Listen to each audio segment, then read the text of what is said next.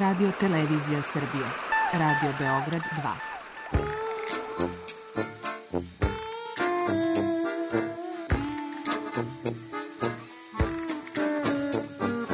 2. Rekli su mi, gospodine, vi ste propanšili temu. Pa ja sam onda promašio život. I ne znam šta će da bude sam. Kaže, ja ne mogu više te čuvam. Šta da ti radi, kaže. Snađi se kako znaš. Mi smo kao u kafesu. Za nas to je najmrtvo. To je mrtvo za nas, naročito. I ja bih želela neko da me usvoji. Da bi želela. Govori da bih te video. Program dokumentarnog zvuka.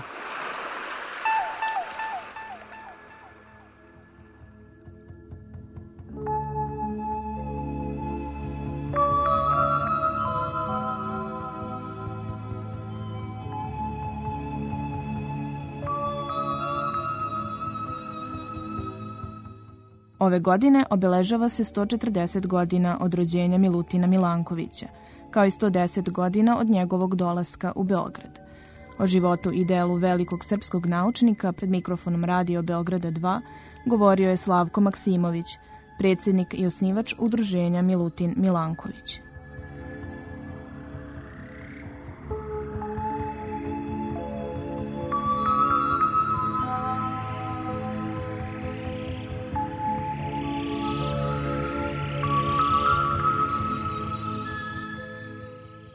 interesovanje za Milankovića nije slučajno.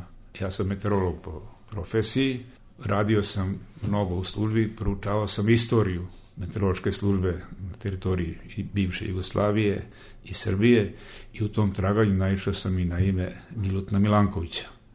Naravno, da ime Milutna Milankovića je bilo malo poznato, kraj smo da ja mnoge stvari njemu nisam znao, recimo za mene je bilo veliko iznenađenje kad sam saznao da Milutin Milanković nije ni matematičar, ni astronom, ni geofizičar, ni klimatolog, da je on po zanimanju građevinski inženjer.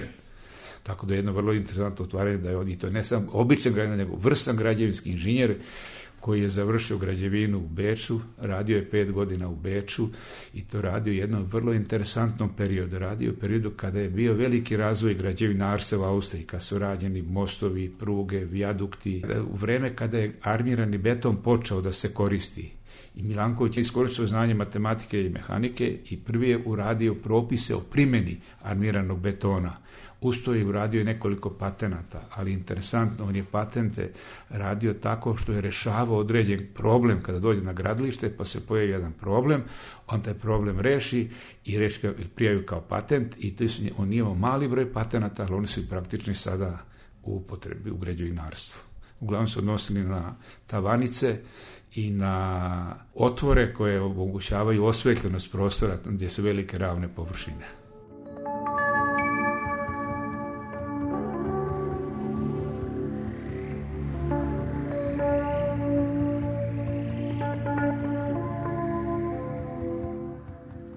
Bitno je da je on jedan od najvećih srpskih naučnika koji je svojim radom zadužio svetsku civilizaciju, kažem, menjao civilizaciju svojim radom, zadužio srpski narod, a da srpski narodom nije odao dužno priznanje.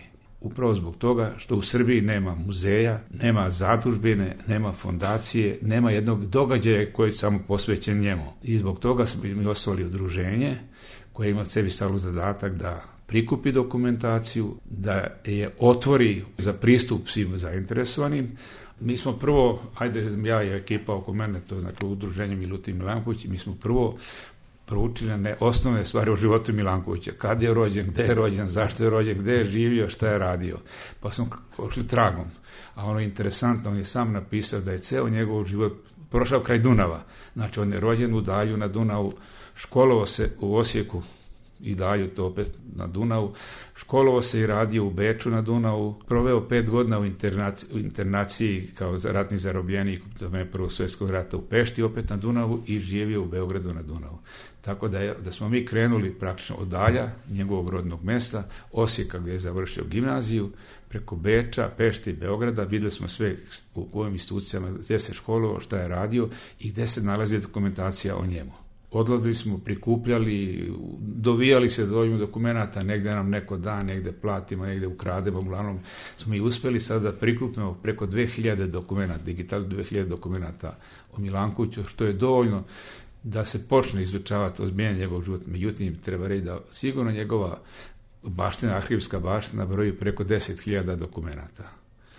I mi smo obišli Be, e, Dalj, Beč, Peštu, pokupili smo onoliko što nas je interesovalo, međutim najveća dokumentacija se ipak nalazi u Srbiji.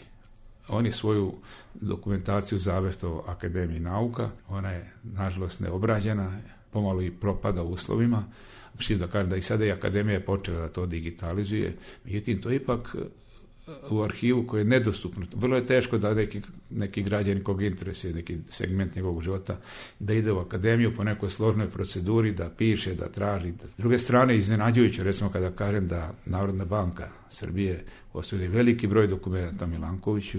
Naime, Milanković kao građevinski inženjer učestvovao u izgradnji kovnice novca u Dopčidaru i nekoliko još objekata za da potrebe bankarstva. I kompletna ta dokumentacija nalazi se u delu Narodne banke koji se bavi arhivom, dalje recimo u Železničkom muzeju, Milanković je projektovao mostove na pruzi Niš Knjaževac, Železnički muzej ima podatke o tome, radio je eh, na kanalizaciji u Beogradu, Beograd spozit kanalizaciji moderne dogodine. Znači mi smo, naš prvi zadatak bio da vidimo mesta gde se nalazi i čuva arhivska zaostavština. I onda smo krenuli tim, dosta smo prikupili, da još uvijek ima jako, jako mnogo.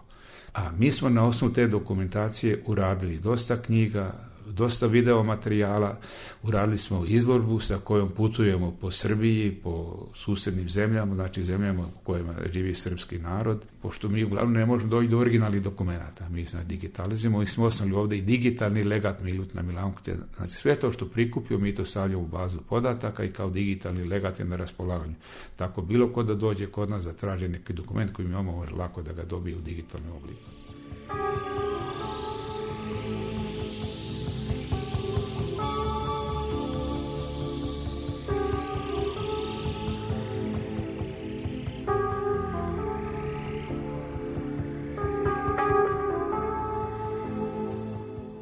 otprilike živio jedno 50 do 100 godina ispred svoga vremena. On je poslednji rad napisao pre 100 godina. A kada se pogleda lista citiranosti, iz godine u godinu on se više citira. To znači da je interesovanje, i to se citira ne samo kod nas, nego u svetu, više u svetu nego kod nas kalendar koji je rešio pitanje najtačnijeg kalendara, zatim njegova rešenja iz građevinarstva steksa dolaze u obzir, da te on je u jedan rad uradio u Babilonski toraj moderne tehnike gde je izračno do koje najveće visine je moguće graditi neki objekt idem je to do 21 km. Kad je on to radio, nivo visine objekata je bio ređe 100 i nešto metara. A mi sad već imamo preko 1000 metara objekta. Znači da građevina polako ide od Kamilankovića visinama. Mi recimo imamo interesovanje posebno iz Japana. Japanci ovde dolaze, traže njegove radove i Japan sad već gradi neke objekte preko 1000 metara.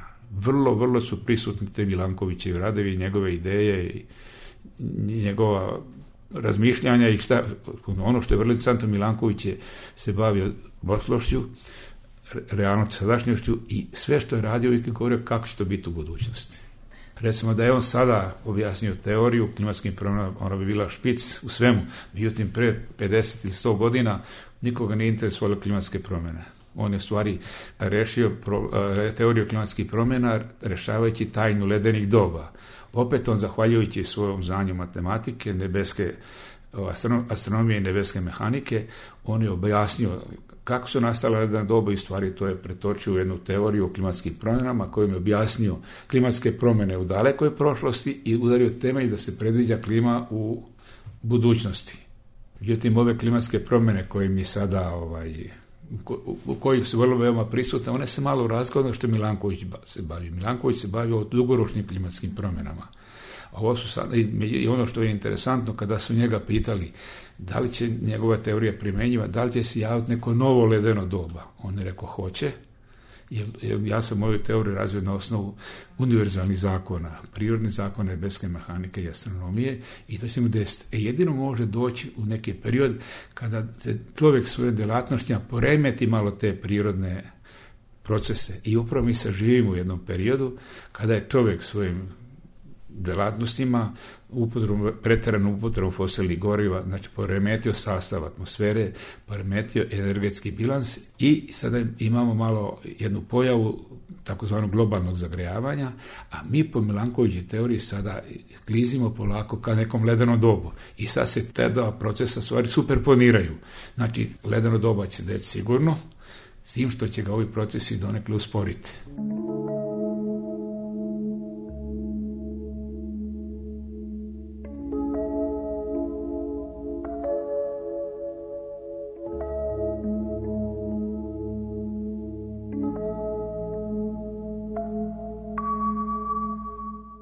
svi naučnici koji su rođeni sa svim predispisima da budu naučnici i oni koji mukotrpim ratom postaju. Kod Milanković to svojile, spojilo. Oni prvo urođen, Ivo je urođen porodičnu, genski su imali porodica ugledna koja je već imala i pre njega poznate naučnike, znači genski imali pred. Drugo, potilj veoma bogate familije, gdje on ima uslove da se školuje najnormalnije. On je kao mali bio bolešljiv i onda ga nisu htjeli da šalju u školu, on je imao u osnovnoj školi privatne učitelje. Naravno, kada učitelj radi s jednim đakom ili razredom, tada je dobio veoma široko obrazovanje. Dalje, kad bio u gimnaziji, isto u Osijeku, tamo da njegova majka iz Osijeka ima stanove kod ujaka, gde su imali tako jako dobro uslove. Onda, kod zavrne studija u Beču, nije imao problema da razmišlja koliko će da studira, da li će da kupi knjige, kako će da stari, imao sve idealne uslove. Uz to stalno govorim, vrlo je obdaren bio, drugo, vrlo je sistematičan. On je vrlo sistematičan i vredan. I kad se sve to spojilo, tako da, i on sam se pita, kad opisuje svoju memoarima, pa kaže, nas je u razredu bilo 70 i nekako su profesori uvijek poklinjali posebnu pažnju njemu. Sad sam pitao kako, zašto. Da li su oni već tad osjetili u meni budućeg naučnika?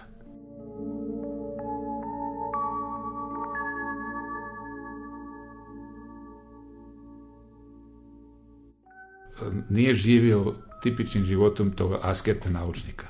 On je volio život i on sam rekao, mladosti sam opisao, bio zaljubljiv, sve to po stvari sad odrađujem to što sam volio. Prema tome se nije ničeg odrekao, recimo on je kao profesor univerziteta, on je završio e, nastava, on s porodicom uzme i odlazi u Alpe, u banje, tamo se da radi, svadja je rekao gde da dođu hotel, njem se mora stvoriti radna soba i je to radio. Ništa nije propustio. On ima veoma buran život u Beču, ima je i ljubavne avanture i on je bio ovako najveći šmeker. Čas u Beču je bilo da Milanković bude na onim kućnim prijemima, to je, on to opisuje. To isto bilo kada je došao u Beograd, ali je svo vreme, sem u studija, on je posvećivo svom opštem obrazovanju. On kaže da je recimo oko 400 puta bio u Bečkoj operi da je obišao sve muzeje, da je on odlazio ovaj, pošto stanovo blizu nekog muzeja, poznato mu je, on je uvijek odlazio i stalno je tu sedeo pored nekih i posmatrao neke umetničke slike i tako da je to opisio. To on je veoma široko obrazovanje. A uz građevinu on je praktično završio i astronomiju i nebesku mehaniku. On je po bibliotekama išao, znači hobi mu je bio da se bavi astronomijom, pisuje kako je on ovaj, za vrijeme školski školskih raspusta, zime bio u dalju, lepo, vedro vreme, on sedne i posmatra nebo i opisuje nebo. Znači, on je, to je, on je osetio da je, da će studije lako da završi. I onda je imao vremena, znači, za dopunsko obrazovanje iz drugih tih oblasti, i on sam rekao iz, i opšte obrazovanje. Recimo, kako, koliko je on pročito knjiga i kad navodi koliko je puta čito, on recimo Faust je njemu stalno bio u džepu i Šekspira, Tolstoja, sve ono koliko je puta pročitao koju knjigu, kaže knjiga nije pročitana ako nije bar dva puta pročitana.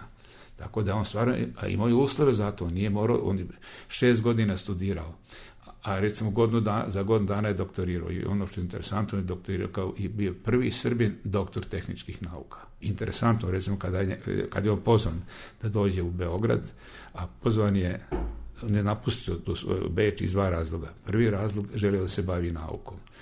A u građevini prvo operativa, teško je to moguće, sem u građevini. S druge strane, kao Srbi nije mogao da dođe na univerzitet, da mu se pokloni posebna pažnja, mada i to bilo pokušaja, ali nisu uspjeli, jer on je rekao ja ne mogu da odem, da se odretnem svog naroda i svog jezika da bi bio profesor na Bečkom univerzitetu. Znači, on, on je došao do Beograd da se bavi naukom, a drugi razlog, on je došao u Beograd 1909. godine kad je izbila poznata aneksijona kriza. Kada je aneksirana Bosna, kada su e, u Beču je bila e, strašna antisrpska propaganda, kada su progonili, proklonjali, ovaj, hapsili Srbe i on je rekao čuvenu svoju rečenicu, ja živim u neprijateljskoj zemlji. Iskoristio je poziv Beogradskog univerziteta, znači 1909. godine došao je u Beograd. Ono što teo da kažem, on je 3. oktobra seo na voz, a već 9. E, oktobra je držao predavanje iz nebeske mehanike, a napustio posao građevinskog inženjera. On je bio vrlo sistematičan. On toliko bio sistematičan, kaže, kada ja radim, ja sam uvijek radio samo jedan posao. Nikad dva posla istovremeno nisam radio. I zato kad nikad nisam imao neuspeha, znao da odabere program i recimo interesantno je kad je on završio kanovno sunčavanje onda je rekao svome sinu kad, kad uhvatiš jednu veliku ribu, mala ti više ne interesuje. Ja sam sad rešio ovaj problem, ja ne mogu da radim nešto drugo, jer takvog problema nema koji je ravan ovom koji sam ja rešio.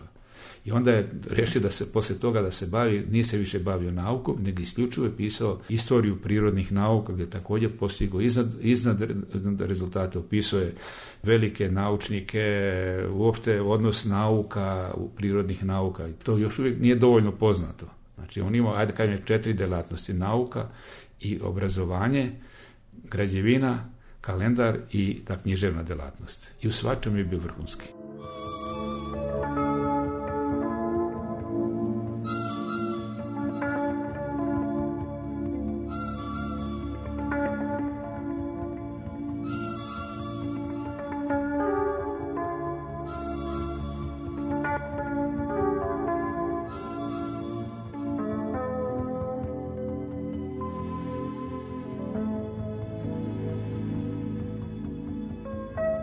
kada je Milanković počeo da radi na teoriji e, ledenih doba, on je bio svestan da mu prestoji dug i naporan. Prvo, morao je da prouči sve ono što su pre njega uradili, mora da postavi svoju teoriju i da praktično tu teoriju izračuna i primeni je na taj problem. I kako on rekao, to je posao kiklopa, ali on kaže, ja sam mlad, imam znanje, imam već dovoljno iskustva da se tim poslom bavim i na kraju pokazao se da je posao Kiklupa trajao 30 godina, ali ga je rešio.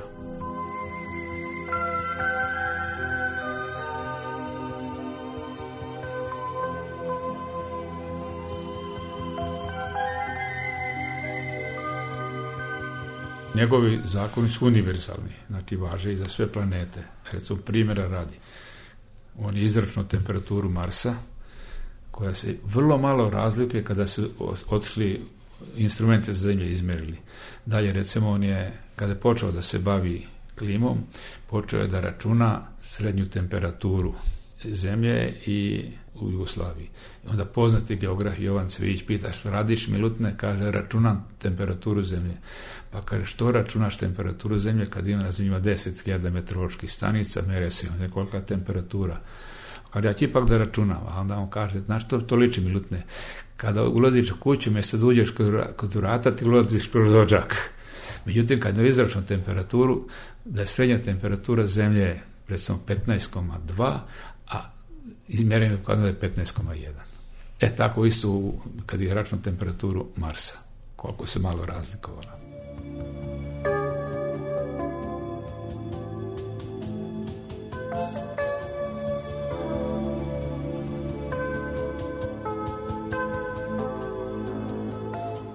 Inače, imao je veoma zanimljiv život u Beogradu.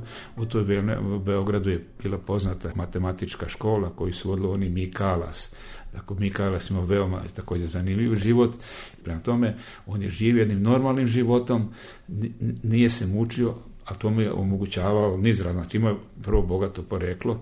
Drugo, on se jako dugo opirao da se oženi Ili rekao, ne može da ima dve ljubavi, nauku i brak. Međutim, ipak se oženio, oženio i to sa jednom zgodnom šapčankom, a uzgled bila i bogata.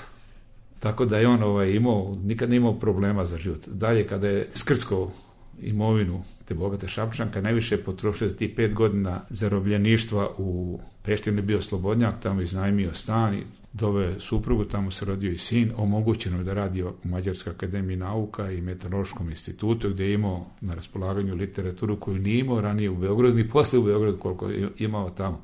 Znači to je iskoristio.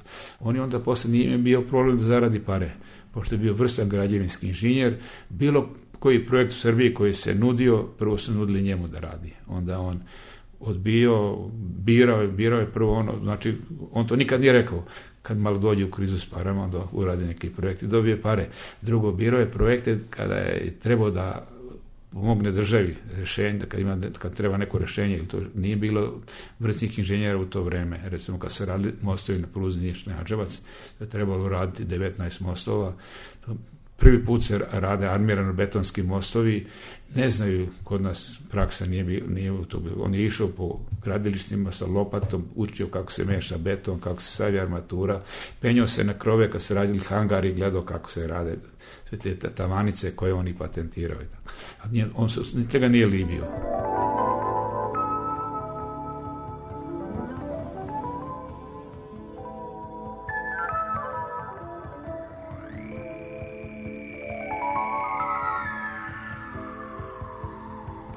drugi svjetski rat u Beogradu i verovatno tu su najveće zamjerke njemu, jer svi ti koji su ti poznati ljudi koji su preživjeli Beograd, postavljaju pitanje kako su preživjeli, kako su se ponašali, Međutim, on je bio na svim ispitivanjima, da li je potpisao poznatu deklaraciju koje su mnogi intelektualci da potpisali, mnogi nisu, pa su ovaj, stradali. On nije potpisao, nije stradao, pa je pitanje kako to i zašto je to. Tako da je ovaj, imao, to s njim bili teški periodi, da je to dokazao. Posle toga, nakon Mike Krabby je skoro proglašen za neprijatelja, jer mu je sin emigrirao u Australiju, pred kraju tam. Međutim, kažem, mi ćemo to, kad imamo dokumenta koja dokazuje da je on potpuno, posle rata u tri mandata bio podpresnik Srpske akademije nauka i umetnosti. 52. godine kada je otvorena nova zgrada akademije, Milanković je bio taj koji je vodio delegaciju, bio Tito, kompletna vrhuška Jugoslavije bila u akademiji, Milanković je njih vodio kroz zgradu. I, i 53. godine ga je vlada Srbije nagradila sa 500.000 dinara za doprinos afirmaciji srpske nauke. Prema tome, ta, za nas poznavao se ta fama ne važi da je on, da je on bio ne, ne, neprijatelj ili da nije bio u milosti vlade. E, Postoje i neka druga dokumenta, neki pokušaj da se dokaže. Da sam postoji jedan dokument ko ne zna ko je napisao, da je njemu dali karakteristiku da se ne interesuje za marksizam, da će umrijeti, ne poznavajući marksizam i tako.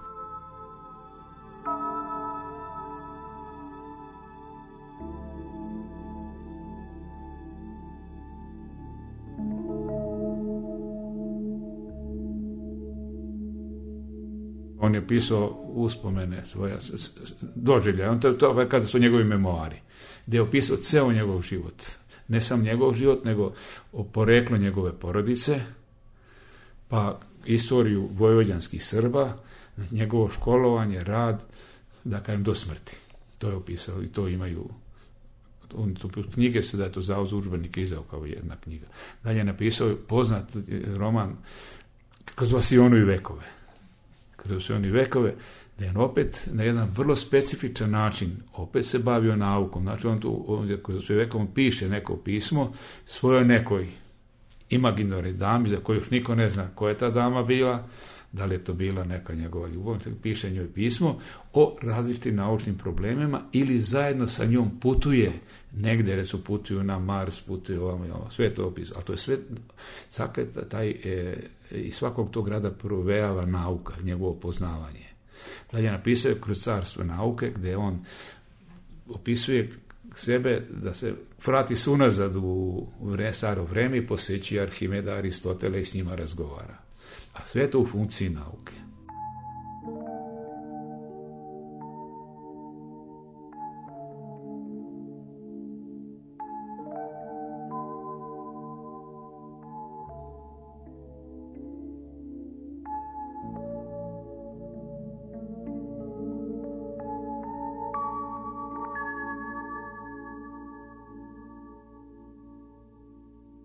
kada se uđe malo u njegovo kon konkretnije na nekom radu kako, kako je on to radio, to je fantastično. Recimo, Ajtak teorija o ledenim dobima.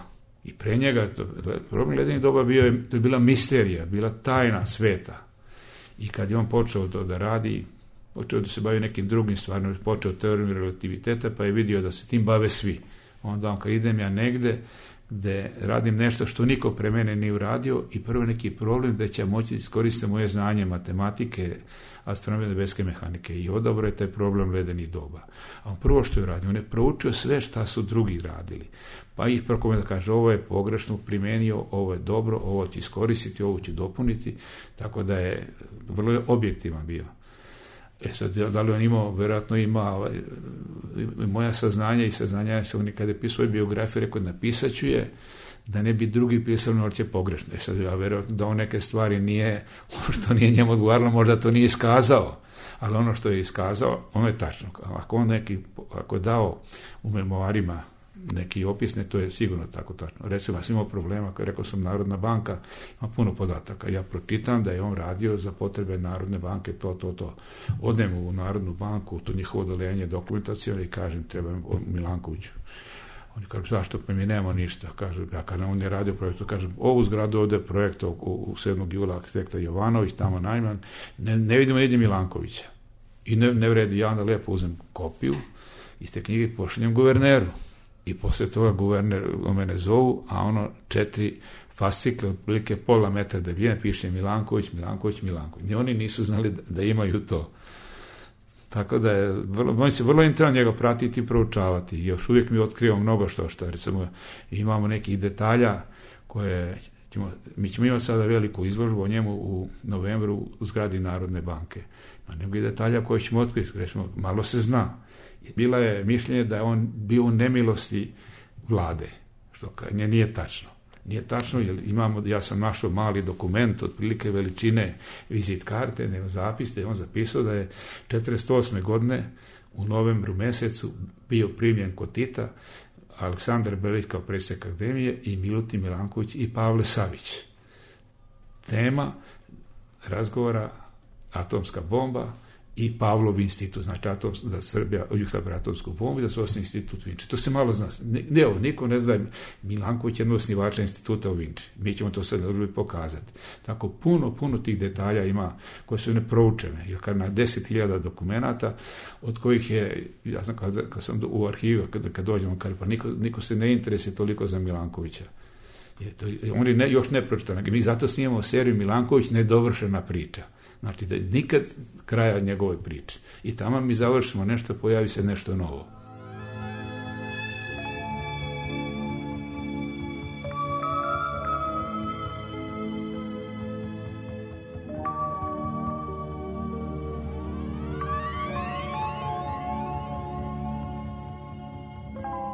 Kada sam ja jednom razgovarao sa predsjedniku Akademije nauke Hajdenom o Milankoviću, pa mu kažem šta li bi tek uradio da je živio ovo vreme, jer ono njegova teorija, on je 30 godina radio, sad će to mogu na kompjuterima za nekoliko dana, a Hajdin kaže ne bi radio ništa, ulenio bi se. u ovim ustom bi se ulenio. Tako da, ja vrem da bi on iskoristio ovo vreme onako da najbolje i uvijek bi živio ispred svoga vremena.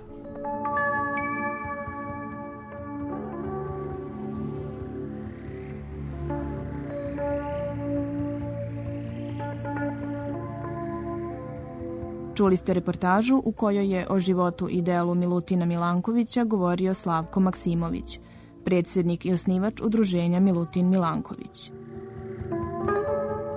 Ton majstor Nikola Trikoš, autor Milana Radić.